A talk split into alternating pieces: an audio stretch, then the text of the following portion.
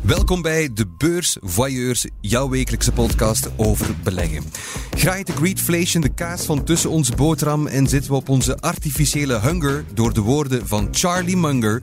We hebben de voorbije week weer postgevat langs de zijlijn van het beursspectakel om de ontwikkelingen op de voet te volgen. Alle beursnieuws hoor je hier in De Beurs Voyeurs.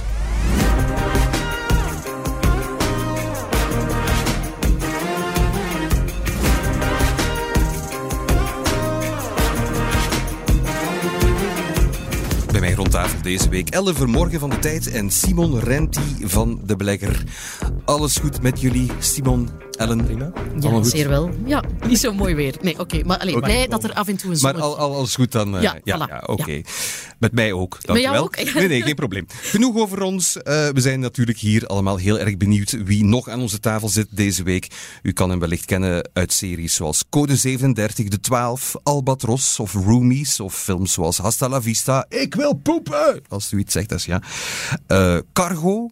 Of op de planken natuurlijk in talloze theaterproducties, dat ook. Of u kent zijn werk als producent. Samen met regisseur Gilles Coulier leidt hij productiehuis De Wereldvrede, bekend van onder meer de legendarische reeks Bevergem, het fantastische Albatros. Enfin, we hebben de rode loper helemaal uitgerold. Gilles, de schrijver, hartelijk welkom. Ik ben een beetje buiten adem geraakt door alleen maar jouw cv voor te lezen. Ik hoop dat ik geen fouten heb gemaakt of heel belangrijke dingen ben vergeten. Nee, dat is het, eh, dat is het ongeveer, Oké. denk ik. Ja. Alles goed met jou? Zeker, zeker. Blij om hier te zijn. Ik ben eh, ook heel blij dat je hier bent. Dat is heel bijzonder. We hebben eh, heel wat producties van je vernoemd. Eh, en ik ben blij dat ik, dat ik er ook geen vergeten ben. Mocht er nog iets komen... Ja, de laatste zomer. De een van, vind ik een heel De laatste mooie zomer, dat was mijn, mijn allereerste film. Ja, ik had die op dvd en ik was aan het snuisteren. Ik wou die meepakken om zo wat in beeld eh, te flaggen hier. Zo, omdat ik dat zo'n Dat mooie een- film Dat vond. is een oldie, hè? Ja. Dat is een oldie, maar ja, we, we hebben dezelfde leeftijd. En dat was, ik heb u geresearched, John, dat moet, hè. We, we komen allebei uit het geboortejaar 84. Een beetje creepy, hè? Ja.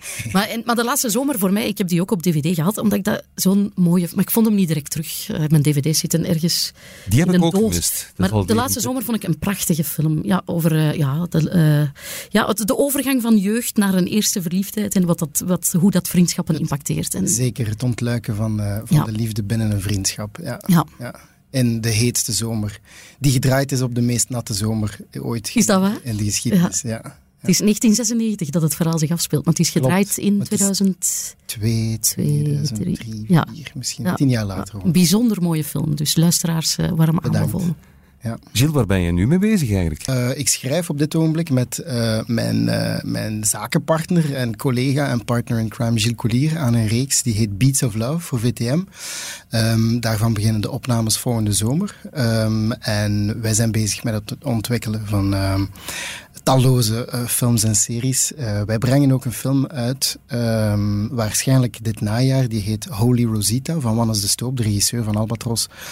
Ehm, dus ja, met van alles en nog wat. Je bent natuurlijk eh, ook niet alleen acteur, regisseur, maar ook producent. Eh, wanneer is dat idee ontstaan om, om dat te gaan doen?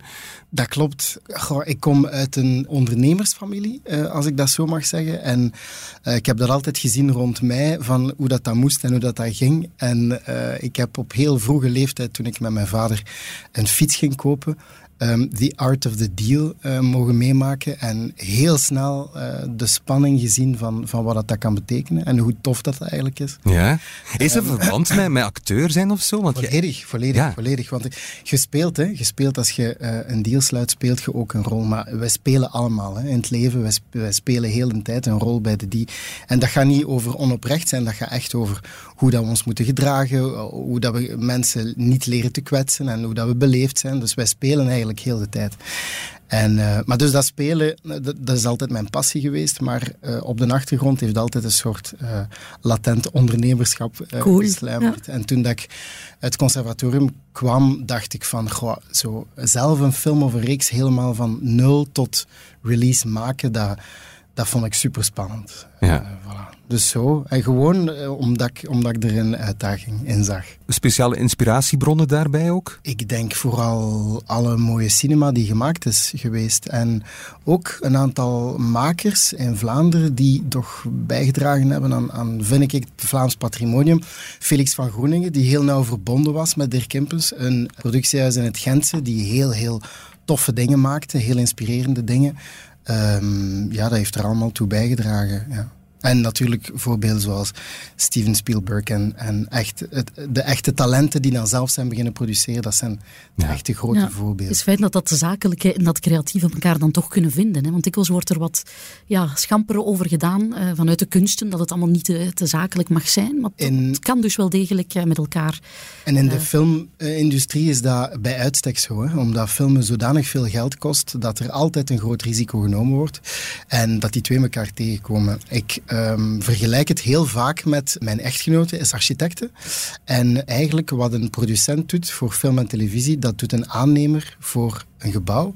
En dan is de regisseur de regisseur van de reeks of de film en is de architect de architect van het gebouw. Omdat mensen vaak niet weten wat dat is, produceren. Ik probeer het altijd zo uit te leggen.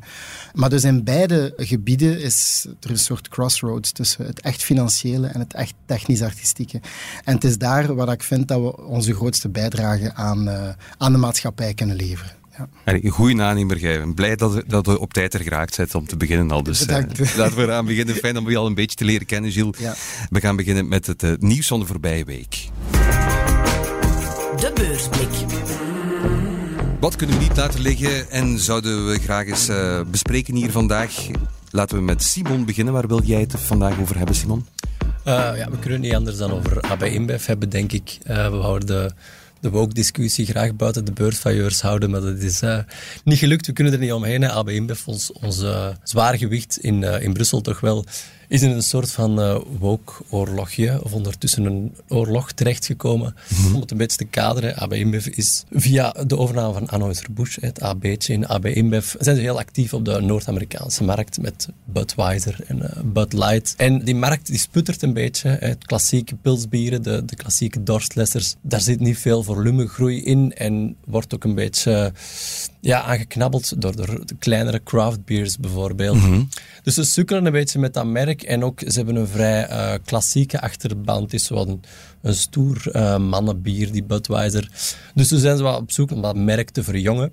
Ja. En ze hebben er niet beter op gevonden om wat product placement te doen. En ze zijn dan bij, bij Dylan Mulvaney terechtgekomen. Wie is Dylan Mulvaney? Ik ken ze uh, op voorhand, moet ik zeggen, ook niet. Uh, dat is een, een transgender uh, actrice en ook activiste. Die haar eenjarige transitie, transitie vierde. Ja. En ze hebben haar, haar blikjes Bud Light cadeau gedaan. Mm -hmm. Eén blikje, als we de CEO moeten geloven. En benadrukt dat overal. Just one ja. can. Hij heeft ah, maar één blikje opgestuurd. Inderdaad. ja. One can. One can. Een gepersonaliseerd blikje met haar gezicht erop. En heeft dat dan op sociale media gepost van hey, ik heb het cadeautje gekregen. Ja. Er is een, een, gigantische storm van uh, consternatie over uh, ontstaan die ABMF ook helemaal niet uh, verwacht had dus blijkbaar staat uh, conservatief Amerika ervoor uh, op zijn achterste. Gewoon omdat een transgender uh, persoon een but dat... drinkt. But ja. light dan nog wel. Maar allee, jij kent veel van muziek, Thomas. Ik ga dat bij jou pitchen. Degenen die zich laten horen daarover zijn in mijn ogen een klein select clubje country muzikanten die volgens mij niet eens zo begenadigd zijn. Kid Rock bijvoorbeeld. Ja, dat, is, dat is ook... Dat is ja, ja, ja, voilà. Dus die mannen zijn heel vocaal beginnen worden. Zeggen van wij gaan geen but niet meer drinken. Die halen hun halfautomatisch geweer bovenin knallen Bud Light uh, blikjes van een plankje Echt? om hun punt te maken. En hebben ze toevallig ook gezegd dat ze geen muziek meer zouden maken? Dat zou, daar daar zou de wereld in mijn ogen ook mee geholpen zijn. Dankjewel, Thomas. Maar nee, nee, ik vind de kramp die daarop gevolgd heeft, uh, allez, door AB InBev, zij hebben hun influencer dan onder de bus gegooid. Ze hebben gezegd, oei, ja, uh, sorry, uh, Kid Rock. Ja, het is niet just one can. Ja. maar dat en, is echt heel dom ook wel om vind te doen, ik toch? ook. Ja, dank je dat je dat zegt, omdat ik denk, je bent de machtigste brouwer in de wereld. Laat je toch niet ringeloren door een Kid Rock. Wie ligt daarvan? Je, als machtigste brouwer van de wereld zou je moeten kunnen zeggen, of tenminste jouw keuzes verdedigen in plaats ja. van helemaal verkrampt te reageren. Hè. Nike, dat, zij werken met dezelfde influencer. Ja, zij hebben dat veel gracieuzer opgelost. Staan, ja, ja. ja, zij zijn Nike. Zij zeggen nee, kijk, wij staan achter uh, die ene partnerdeal en wij willen een inclusief merk zijn. Ik vond het echt een, een miskleun van, van communicatie. Ja, want ze verliezen mensen aan beide kampen uiteindelijk. Dan moeten we nog zien of het echt een materiële impact heeft aan hun conservatieve kamp kwijtgespeeld. Maar ze winnen ook geen zieltjes. Omdat mensen zien van ja, het is gewoon marketing. Uh, die waarde waar zij voor, zogezegd voor ja, staan. Dat is inderdaad. Ja, als, als ze dan uh, kritiek krijgen, dan krabbelen ze heel snel terug. Dus het is allemaal een beetje onhandig van, van InBev. En we moeten nog zien of het een impact heeft. Blijkbaar zou de bud verkopen op korte termijn wel met een kwart gedaald zijn. Ja. Maar dat is dan echt in de week. Dat is alleen ja. Kids Rock hoor, dat is alleen Kids Rock. Zijn, dat is consumptie. Zijn dagelijkse consumptie echt dermate hoog. Ja. Dus het is wel iets waar beleggers mee bezig zijn. Het deed mij zo'n beetje denken aan toen, toen Rusland Oekraïne binnenviel, dat mensen zo flessen vodka in hun wc gingen gooien en zo. Dus zag je ook die filmpjes. En blijkbaar hebben de grote vodka-merken, eh, Smirnov en Absolut en zo, daar helemaal niks van gemerkt uiteindelijk in hun, in hun, in hun jaar verkopen of zo. Dus we moeten ook zien of dat echt een, een, een impact gaat hebben met InBev. Maar het is weer maar eens een voorbeeld van ja, wat de knullige marketingstrategie van AB InBev. Ze hebben ook zoiets op de, de Super Bowl zo'n een, reclame gemaakt tegen het gebruik van maïssiroop in bier, waar dat hmm. zij hun, grote concurrent in Amerika, Molson Coors, mee uh, frontaal aanvielen. Terwijl de groep AB InBev, bij andere gebieden gebruiken zij zelf die maïssiroop. Ja. Dus ja, het is, het is heel gek. AB InBev lijkt zo een... Klungelig. Ja. het is klungelig voor een bedrijf van die grote orde. En, en, en, voor een CEO, ja. Michel Doukeris, ja, een van de machtigste CEO's in de wereld, dat hij dat niet wat gracieuzer kan oplossen, mhm. dat vind ik toch wel... Ja, dat staat me tegen van hen. Ja, absoluut. Oké. Okay. wat heb jij? Ja. Van AB naar BH wat ik meegebracht van AB InBev naar Berkshire Hathaway. Want wat hebben we gehad zaterdag? De kroning van King Charles. Maar ook uh, in beleggenwereld een veel belangrijker event. En dat was de algemene vergadering van Berkshire Hathaway. Hè, met Warren Buffett, het investeringsvehikel van Warren Buffett. En dat is altijd, ja, dat is een beetje het woedstok van het kapitalisme, wordt het genoemd. Hè, de hoogmis van de waardebelegger. Omdat je daar als aandeelhouder uh, de kans krijgt om urenlang vragen af te vuren op Warren Buffett. En op, echt urenlang? Urenlang twee bejaarde mensen eigenlijk. Aan twee hoogbejaarde mensen. Ja, zes uur zes lang, uur lang uh, worden daar vragen gesteld en zij beantwoorden die met zoveel flair en geestdrift en inhoud dat je daar enorm veel kan leren door daar naar te kijken. Dat is echt zes uur lang. Allee, ja, ik denk, uh, Lamelio Gioventù is ook een lange film. ik denk dat de Berkshire Hathaway Algemene Vergadering, allee, qua beleggersfilm, is dat kan je niet, uh, ja, niet plezanter hebben. Allee, Dat is echt geweldig. Je steekt daar enorm veel op. Omdat Berkshire Hathaway natuurlijk een barometer ook voor de economie is. En omdat Buffett en zijn rechterhand, de 99-jarige King Charles daar, Charlie Munger, uh, ja, dat die heel, heel veel inzichten hebben en ook op hun hoogbejaarde leeftijd nog zeer goed de vinger aan de pols hebben. En kwam er verrassend nieuws? Ik vond Buffett niet echt upbeat klinken. Hij zei van kijk, we stevenen wel af op winstdalingen, ook bij onze participaties. Hij waarschuwt er is wat overtollige vraag in de economie. Bedrijven hebben hun voorraden misschien wat kunstmatig hoog aangelegd. En die overtollige vraag gaat er nu wat uit. Dus dat, daar maakte hij zich zorgen over. Ook de banken, daar klonk hij uh, ja, bezorgd over. Um, maar allee, er waren daarnaast ook heel veel uh, persoonlijke inzichten die zij altijd geven. Dat vind ik ook altijd leuk. Wars van het financiële geven zij ook uh, ja, heel veel inzichten over jezelf of zo. Buffett's advies dit jaar was schrijf je eigen obituary. Schrijf je eigen grafrede of je overlijdensbericht. Dat is en bij hem natuurlijk wel iets dichterbij dan bij ons. Ja. Waarom moet je dat doen? Ja, hij zei van dan, dan stel je misschien voor jezelf scherp wie je bent en dan kan je daar naar, naar opleven bijvoorbeeld. Ja, ook toxische mensen, daar waarschuwde hij ook voor. Verwijder die zo snel mogelijk uit je leven, hè, die hinderen je. Van alle soorten lessen kan je daaruit uh, destilleren en dat is altijd heel fijn. Een aantal tieners die dan ook aan het woord komen, die vragen stellen en die dan ook heel kritisch zijn. Blijft heel populair bij, bij, jonge mensen. Ja, die, daar, uh... ja, die zeggen, meneer Buffett, doet u wel voldoende voor vergroening bijvoorbeeld? Waarop Buffett zegt, kijk, onze uh, Berkshire Hathaway Energy tak doet het meest van alle nutsbedrijven in de VS voor vergroening, want die keert geen dividend uit. Andere nutsbedrijven keren 60 à 70 procent van hun winst uit. Wij hebben nog geen, geen gewoon dividend uitgekeerd vanuit die energietak. Dus wij herinvesteren dat in vergroening. Allee, wow, ik heb er de mond van vol, je hoort Ja, ik merk het. Maar, maar, hoe, hoe kenmerkt tegenwoordig de, de Berkshire Hathaway-belegger zich? Heeft dat dezelfde filosofie zoals we het altijd kennen? Ja, het is het, het waardebeleggen. Het beleggen in bedrijven met track records, met, uh, met gevestigde... Ja, het, het, het kroonjuwelen uitzoeken aan een faire prijs. Het is, dat is een beetje de, de filosofie. Ja, natuurlijk evolueert die, uh, die holding ook wel. Hè. Allee, de opvolging van Buffett wordt nu heel druk over gepraat. Want ja, gezien hun leeftijd gaan die mannen misschien geen jaren meer meegaan. Dus dat is een hot topic. En dan ja, is er de angst van, gaat dat vehikel Buffett overleven? Hè? Gaat, gaat Berkshire in de huidige vorm blijven bestaan als Buffett er niet meer is? Hè? Ja, hebben, ze daar, hebben ze daar iets over gezegd? Ja. Berkshire is zo groot geworden, ook omdat ze zo'n fantastische track record hebben. Het wordt altijd maar groter en men spreekt vaak over, over schaalvoordelen in een economie, maar er bestaat ook zoiets als schaalnadelen. Uh, als zij een investering willen die een, een materieel resultaat heeft, ja, dan, dan wordt die, die, die vijver waarin dat zij vissen heel klein. Hè. Ze, ze, ze, je gaat op zoek naar, naar, naar ondergewaardeerde aandelen, naar interessante opportuniteiten. Maar hoe groter dat je zelf bent, hoe grotere vis dat je ook nodig hebt om ja, materieel verschil te maken. Ja. Dus er worden altijd maar minder prooien eigenlijk groot genoeg voor hen om in te investeren. En dan wordt het ook moeilijker om de beurs te gaan kloppen. De laatste 10, 15 jaar is het moeilijk voor Berkshire Hathaway. Zeker ook omdat ze wat onderwogen zitten in technologieaandelen. In investering vooral in de oude Amerikaanse, de klassieke Amerikaanse economie. En het is daarom dat ze de, de voorbije jaren toch... Uh, de voorbije twee jaar moeten we zeggen, is wel een comeback. Maar laten we zeggen, op termijn van 10, 15 jaar vinden ze het moeilijk om de, om de beurs te kloppen. Vorig jaar was dan weer een relatief actief jaar. Ze hebben dan Allegheny, die uh, verzekeraar, uh, overgenomen. Het was een relatief actief jaar, dus maakte de, dat maakte de vergadering ook interessanter dan andere jaren nog, denk ik. Omdat er terug toch wat dynamiek uh, is. Ja. Jill, ben, ben jij ook een aanhanger van Warren Buffett? Volledig. volledig. Dat is een van de redenen waarom ik ben beginnen beleggen. Enfin, doordat ik ben beginnen produceren, ben ik... Ik verslind boeken over allerlei ondernemingsvormen, uh, CEO-schap, uh, leiderschap, want dat moeten dan hè, toch, toch een beetje gaan toepassen binnen een team.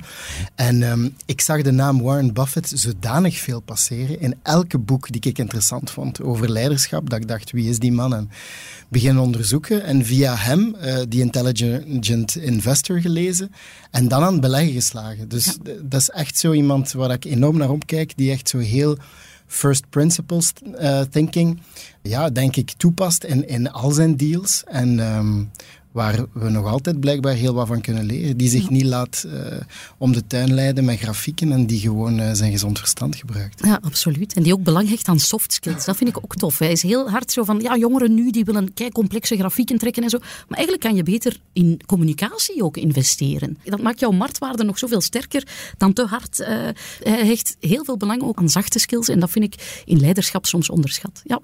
Uh, tot slot nog kort eventjes. Dus Buffett 93, 92, mm ik weet niet precies. Uh, Charlie Munger 99. Hebben ze nu echt al concreet gezegd van als wij er niet meer zijn, er staat opvolging klaar?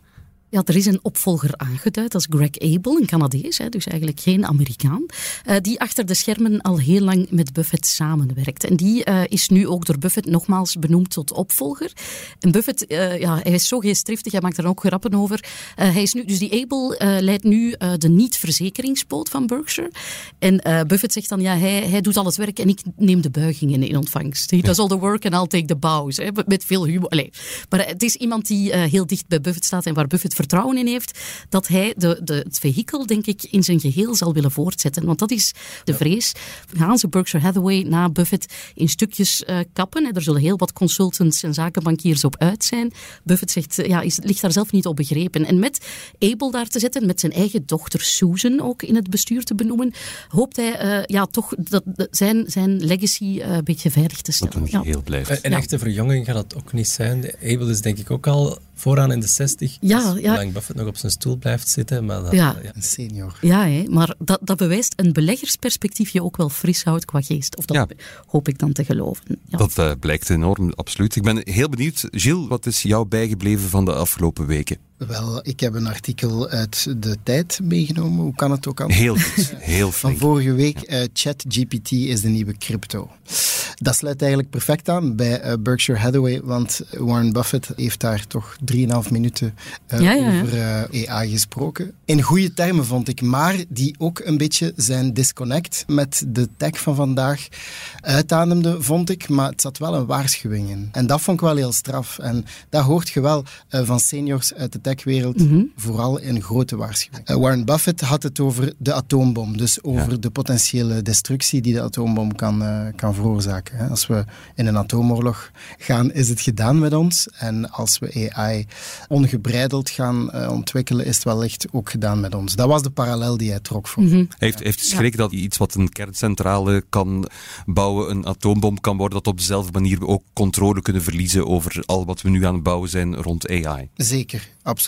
Ja, we uh, kunnen het niet onuitvinden, zei hij. Net als de atoombom in de Tweede Wereldoorlog. Ja, heeft die 200 jaar na... Die was toen logisch in ontwikkeling, net zoals AI misschien nu logisch lijkt in ontwikkeling. Maar heeft die 200 jaar na datum de wereld eigenlijk fraaier of beter gemaakt? En die parallel heeft hij, denk ik, uh, willen maken. Ja. En hoe kijk jij ernaar, Gilles? Ja. Ik, ik, uh, ik kijk naar de experten. Alle doemscenario's die we ons kunnen inbeelden, uh, bevestigen zij. Hè? Dus ik denk echt, er was een, een, artikel over een man die, die al heel zijn leven AI bestudeert en beschrijft en erover schrijft in de Times. Die zei van wat er technologisch kan vandaag, zoals computers die, die bepaalde DNA-strains kunnen maken, proteïnen kunnen maken, van onderschat niet wat technologisch mogelijk is vandaag, wat we met onze eigen intelligentie misschien nog niet voor waar achten, maar wat artificiële intelligentie veel sneller en veel beter zal doen dan ons.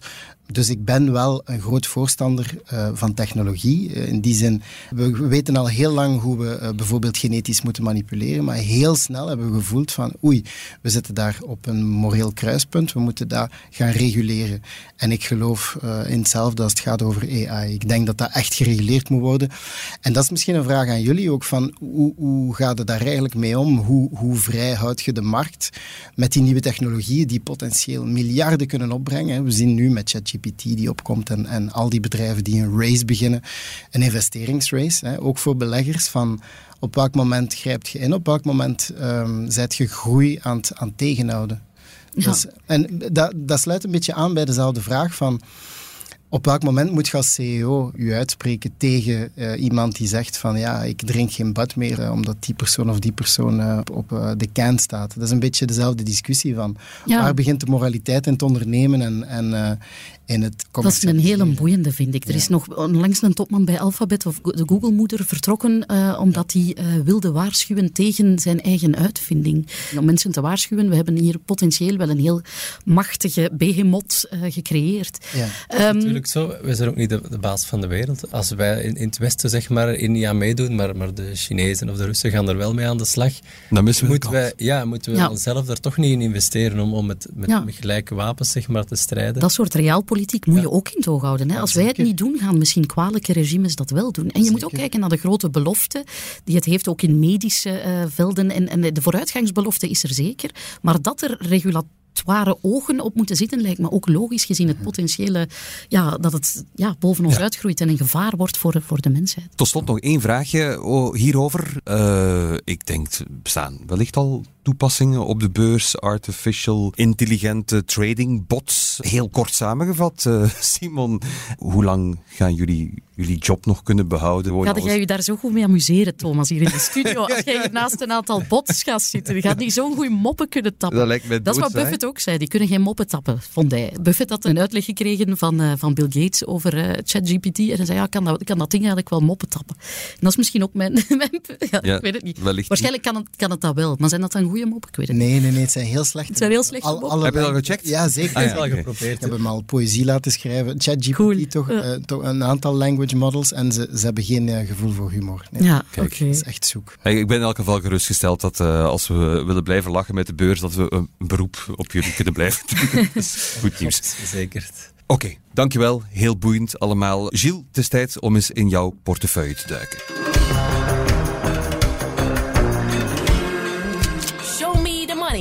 Juist ja.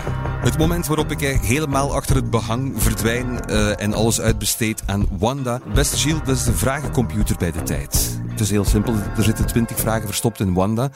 We vragen een cijfer van 1 tot en met 20 op te roepen en dan komt er een vraag uit Wanda. Wil, wil je eens proberen? Is Spannend. oefenen eventueel? Ik zet ze op. Ja, doe maar.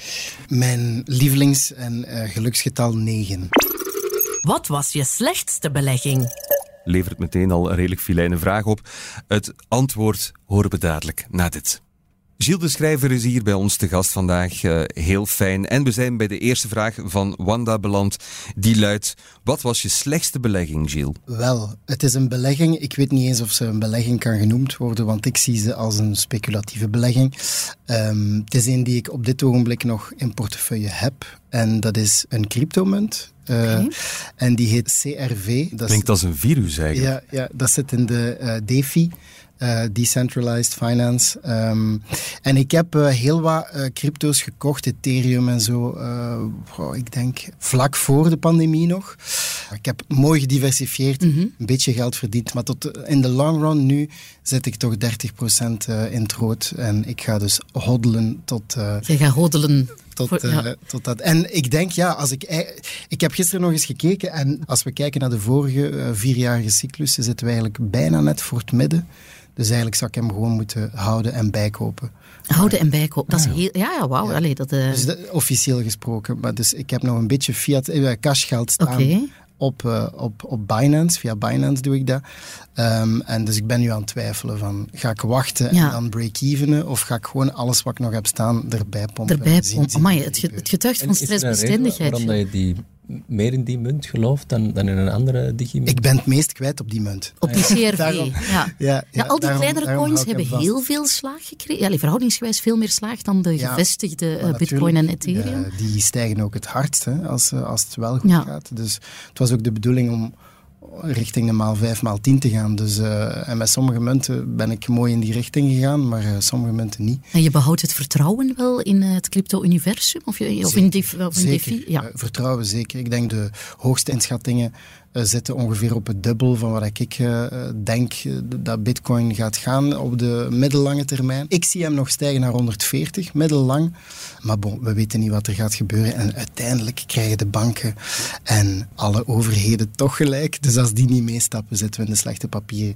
Maar als dat niet gebeurt, als die wel meestappen, waar het toch op lijkt, dan, dan zie ik een mooie toekomst, vooral voor Ethereum. Ja. Oké, ja, ik, ben, ik ben altijd een agnost. Ik ken, ik ken de wereld niet super goed.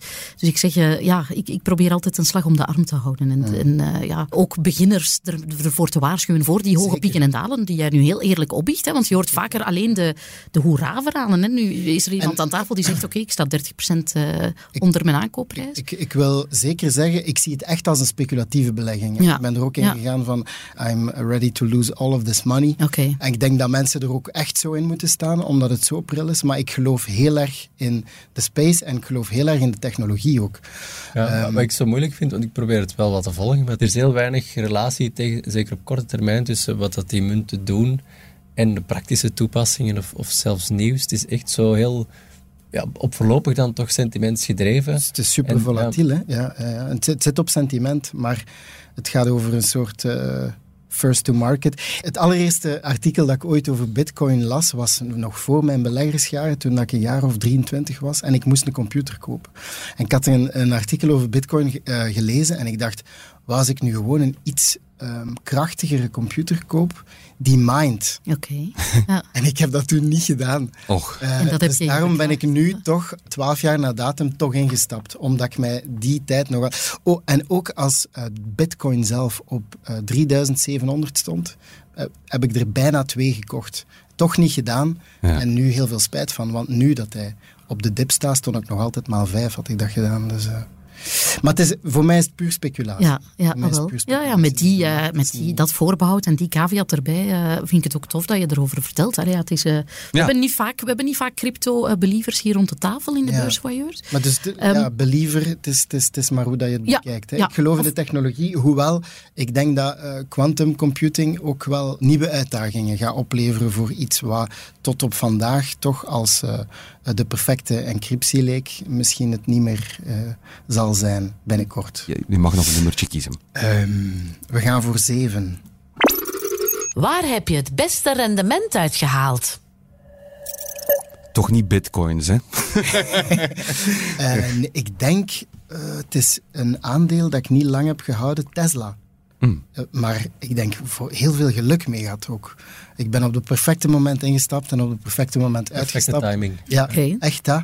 echt dat verhaal van perfecte timing. Net na ik uh, een, een hele ronde gedaan had, een aantal aandelen had, had uh, uitgekozen en gedacht van oké, volgens mij zijn die nu ondergewaardeerd. Heel erg gelijk gekregen bij Tesla, een beetje op de bubbel meegegaan, verkocht omdat ik liquiditeit nodig had voor iets anders. En uh, ja, dus dat, dat is mijn mooiste rendement tot nu. Ja, blijkbaar op een goed moment afscheid van genomen. Ja, maar we waren op een moment waar dat ik dacht, nu is het enthousiasme wel, wel heel enthousiast. Ja. Um, Je voelde het. Ja, en de hype rond Elon is altijd van die aard dat alles een beetje bubbel is hè, rond die man. Dus, ja, het is een enorme turnaround geweest. Ik weet in 2017, 18 of zo waren ze echt bijna een randje faillissement. Ja. En het is een, een enorme ja, opmars toen, operationeel, maar ook beleggers die gevolgd zijn. Ja. Voor een stuk ook een, short squeeze. Hè. Heel veel mensen die tegen dat aandeel gewet hebben, die, die altijd maar ongelijk kregen en dat aandeel ook omhoog stuwden. Ja. Maar ook analisten die iets te lang negatief zijn geweest, omdat we uit dat faillissement scenario niet zo lang geleden waren. Maar nu is het echt zo'n operationele powerhouse geworden die heel de auto-industrie eh, het vuur aan de schenen legt. Ja. Zeker, dat wisten we al. En toen dat de Model 3 op de markt zou komen, ging alles veranderen. En dat, dat kwam maar niet dat moment. Dus hij heeft wel, denk ik, echt op de rand gestaan van. Mhm. Ehm, en, en ongeveer op dat moment ben ik ingestapt. En um, voilà, met een maal 2 was ik al blij geweest, maar ik heb verkocht op maal 5. Fantastisch. Goed gedaan. Dank u. Nog een cijfertje. Uh, nummer 16. Van welk aandeel droom je? Oeh, dat vind ik een heel moeilijke vraag. Uh, er zijn wel soms van die aandelen waar je inderdaad van denkt die altijd net iets, net iets te duur zijn. Ja. Je denkt van, uh, als het nu eens terugvalt, dan uh, koop ik Dan ga ik het doen. En dan doe je het altijd net niet. Net niet, Ik heb dat met, met LVMH bijvoorbeeld LVMH, verschillende keren gehad. Uh, maar ik heb dan de indruk, als je dat dan uiteindelijk toch doet, is dat meestal op een moment dat het eigenlijk zo dat het aan het keren is, dat je er beter gewoon helemaal vanaf blijft. Ik denk dat er heel veel geld te verdienen is um, als je slim investeert. Maar om slim te beleggen, vind ik dat je er heel fel mee moet bezig zijn. Mhm. En gelijk dat je daarnet zei, echt uh, stalen zenuwen. Maar vooral, en dat is vooral wat Warren Buffett ook doet, u inlezen. Constant, constant. Niet alleen over de beschikbare cijfers, maar ook de data die minder makkelijk te vinden zijn. En dat is zoiets, daar is, daar, voor mij is dat een fulltime job. En dus daarom beschouw ik het beleggen voor mij toch een beetje als risicovol. Mhm. En daarom zou ik ook niet happig zijn om peperdure aandelen te gaan aankopen of, of dingen die ik, uh, die, ik, die ik moeilijker kan betalen. Dus een droomaandeel, dat, dat, dat vind ik ja. moeilijk om okay. zo de stap te zetten naar ik ga hier al, al in gaan of zo. Ja. Ja. Nog een cijfertje. Nummer 19. Beleg je samen of alleen? Ik beleg alleen, hoewel ik, ik, ik hoor uh, mijn echtgenote ook in een aantal beslissingen die, uh, die alles aan mij overlaat. Maar en hou je dan rekening mee of zeker, hoor je zeker, er alleen zeker. maar? Ik hou vooral rekening als het gaat over risicobepaling. Ja. Uh, dat is altijd een goed iemand om naast mij te hebben die, die aan de buitenkant staat en minder, minder het hoofd dol is gemaakt. En moet, moet ze jou soms temperen van, kom Gilles, ja, ja, zeker. Ja. Constant. Ja? Ja, ja, zeker, zeker.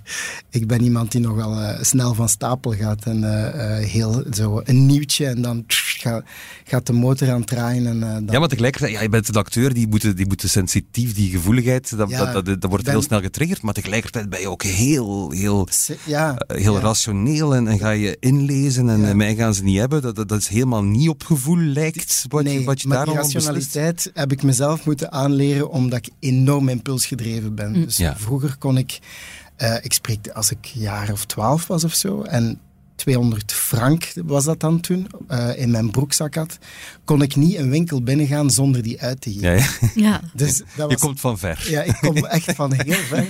Dus uh, ik moet beschermd worden tegen mezelf en ik heb me, mezelf gedwongen om, uh, om rationeel met die dingen om te gaan. Ja. Oké. Okay. Een allerlaatste cijfertje, dan ben je er vanaf. Nummer 4. Welke strategie werkt voor jou niet? Wel, ik denk de strategie van het korte termijn denken uh, is altijd nefast. Um, natuurlijk, als het gaat over daytraden en dat je eerst en vooral de zenuwen ervoor hebt, ja, um, zelfzekerheid hebt om dat te doen, dan kun je echt op nieuwsfeiten beginnen, beginnen speculeren. Wat ik geleerd heb, ook van Warren Buffett, ook van die intelligent investor, is dat je lange termijn werkt altijd. En daarom ook aan de luisteraars, hoe jonger je bent, hoe meer voordeel dat je hebt op de markt. En dat is iets wat ik ik ben nog niet heel oud, maar toch veel te laat gesnapt heb. Ja, van, die horizon, hoe machtig dat dat is. Ja. Dat is gelijk een beetje naar uw tuin kijken en denken, ah, dat plant ik volgend jaar wel. Ja, dan zijn we weer een jaar kwijt. En als je een boom ergens wilt hebben staan, ja, dan moest je gisteren geplant hebben. Dus als het gaat over beleggen, denk ik, al heb je 10 euro, doe het vandaag. Oké, want dat gaat dan wat in tegen je impulsieve natuur. Hè? Je ja. Zegt, ja, daytraden. Heb je dat altijd geprobeerd? Heb je dat gedaan? Uh, nee, nooit. nooit gedaan. Daar heb ik te veel andere dingen aan mijn hoofd voor. Uh, maar sommige vrienden van mij hebben wel op de cryptomarkt uh, hun job opgegeven en op een gegeven moment verdienden die zodanig veel geld dat die zeiden van mijn fulltime job kost mij op dit ogenblik, dat was in de laatste bull market, kost mij te veel geld. Dus ik ga gewoon achter mijn computer zitten en crypto, crypto, crypto. En sommigen hebben heel veel geld verdiend en sommigen zijn alles kwijt. Ja. Allee, maaistraf. Ja? En je bent nog vrienden met beide? Ja. ja dat vind ik mooi. Okay. Vooral met, de die Vooral met die paupers die nu, uh, niks meer hebben. Ja, nee, super. Ja, wauw. Ja, ja, zo zie je maar. Het is, ja. Op de lange termijn heb je dat niet, die extremen. Nee, nee, Dan ga je voor een gezapiger rendement, maar wel eentje waar je niet mee in de goot Daarom, uh, eindigt. En hopelijk, ik wil daar wel aan toevoegen, alles kwijt zijn, alles is relatief. Hè. Ja, ja, ik ken niemand die, die uh, op straat moet slapen. Maar ik ken wel mensen die, die, die veel, veel geld verloren. Veel meer, Gilles. Je hebt het goed gedaan. Bedankt. Ja. Uh, ik heb zo eerlijk mogelijk proberen antwoorden. Ja. Dankjewel daarvoor. We gaan nu iets helemaal anders doen. We gaan een luisteraar helpen.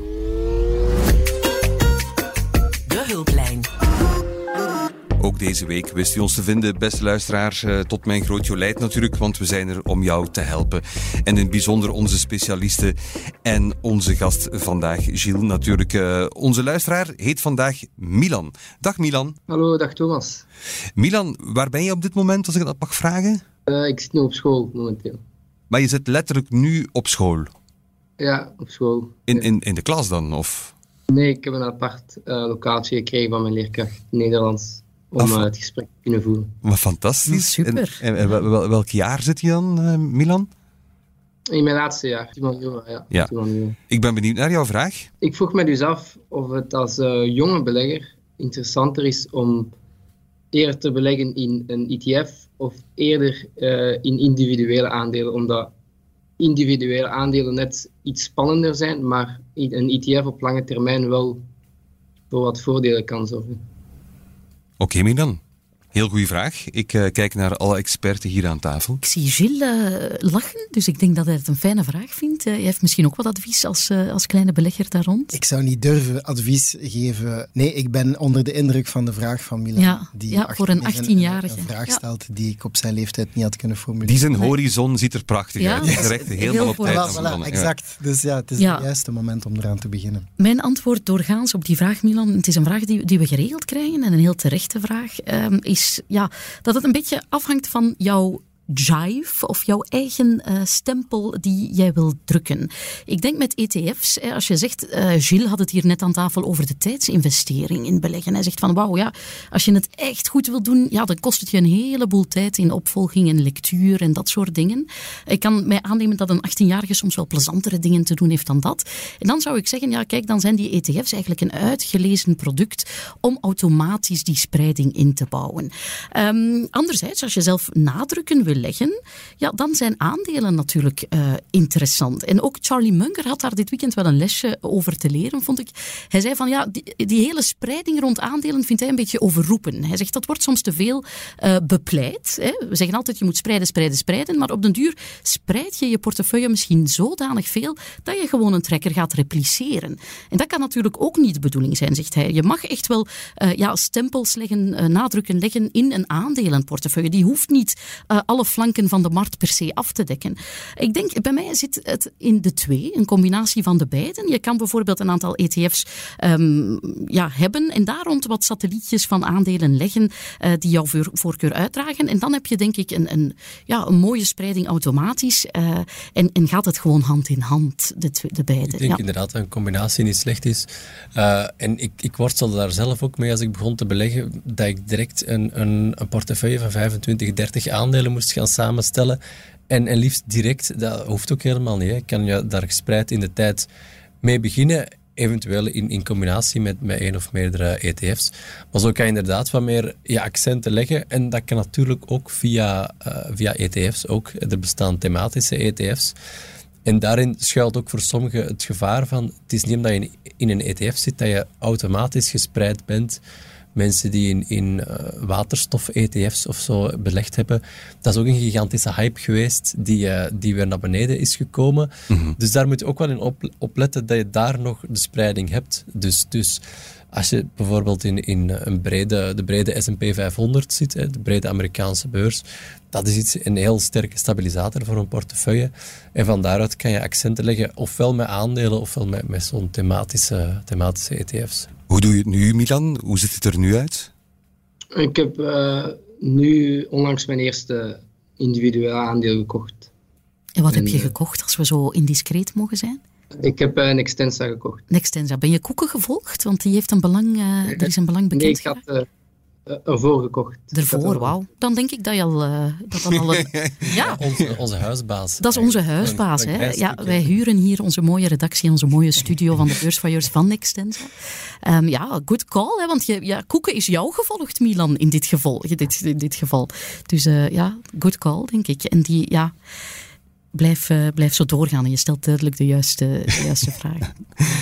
Ben je tevreden met het antwoord, uh, Milan? Ja, dan eens uh, wat meer, mij, mij wat meer verdiepen in ETF's en dan eens bekijken. Want ik krijg ook soms wat advies van mensen buitenaf en dan is dat, overleg ik daar een beetje met hun. Tof, het is een beetje een groepsport, hè? of dat proberen wij er toch ook van te maken. Dus heel fijn. Goed bezig, Milan. Als je nog vragen hebt, je weet ons te vinden. Hè? Oké, dank u wel. Dag, fijne dag. Dag Milan. En heeft u zelf ook een vraag voor de beurs Voyeurs? Niet aarzelen, stel ze gerust via podcast.tijd.be. We helpen je graag. Genoeg stilgestaan bij deze week. We gaan eens vooruitblikken. De blik vooruit. Spreek voor zich, vooruitblikken dus. Simon, waar kijk jij naar uit? Ja, tussen het resultaten geweld door zijn er toch een paar overnamedeals, ook die interessant zijn om te volgen. Uh, ik denk dat we vorige week al over, over Exmar onder andere en Telenet hebben gehad. Uh, overnamebiedingen waar wat verzet tegen is, gaan die doorgaan of niet. Activision Blizzard bijvoorbeeld ook. Groot gamebedrijf dat zou overgenomen worden door Microsoft. Die, die deal staat op losse schroeven is door de Britse uh, toezichthouder gekelderd eigenlijk. En nu is het eind uh, mei, geloof ik, dat de Europese Commissie er zich gaat over uitspreken. Dat is uh, toch een paar interessante verhalen om, om te blijven volgen. Ja. Oké, benieuwd. Gilles? De komende weken ga ik vooral met de wereldvrede bezig zijn. Uh, Jouw productiehuis? ja, ons productiehuis, waar we nu twee mooie projecten, uh, één aan het afronden zijn en één aan het opstarten. En het ene heet Holy Rosita en dat is waarschijnlijk voor dit jaar dat we de release voorbereiden, de film van Wannes de Stoop, de regisseur van Albatros. En we beginnen uh, aan de opnames van Julie, de eerste langspeelfilm van Leonardo van Dijl, die twee jaar geleden met zijn kortfilm op kant stond, die we ook produceren. Dus uh, dat zijn twee mooie projecten waar we onze handen aan vol zullen hebben. Zeer benieuwd. Zeer benieuwd. Klinkt heel goed. Ellen? Ja, ik, geïnspireerd op, op de cinema van, uh, van Gilles, ga ik toch voor de cinema op de beurs. En die heeft uh, Simon net even aangestipt. En dat is Exmar. De eigenaars willen Exmar van de beurs liften. En op 16 mei is er daar algemene vergadering. Dus kunnen de aandeelhouders, waar het protest toch, vind ik, uh, ja, onder de radar wat aanswelt tegen dat opportunistische bod, ja, zich kunnen uiten daarover. Dus ik verwacht daar wel wat vuurwerk van. Ik, ja. Goed. Dat was het voor vandaag. Ik bedank onze beursvoyeurs van dienst Ellen Vermorgen, Simon Renti, natuurlijk onze bekende voyeur Gilles de Schrijver. Ook grote dank aan de jonge luisteraar Milan voor al zijn slimme vragen. Volgende keer zijn we er opnieuw met een nieuwe bekende voyeur die nog niet al te veel prijs wou geven, behalve dit. Hallo beursvoyeurs. Eindelijk. Ik verwacht al een telefoontje, maar bleef maar uit hè. En natuurlijk kom ik graag langs. Met veel plezier zelfs. Bijna alle banken zijn al gepasseerd, maar de mij nog niet. Het is niet mogelijk, hè? Gelukkig zetten we dat snel recht. En dat het weer intussen maar zo mooi mag zijn als mijn achternaam. Tot binnenkort. Dit was de Beursvoyeurs. Presentatie door Thomas de Soete, productie door Anne-Sophie Moerman. Mis het beursnieuws niet op tijd.be.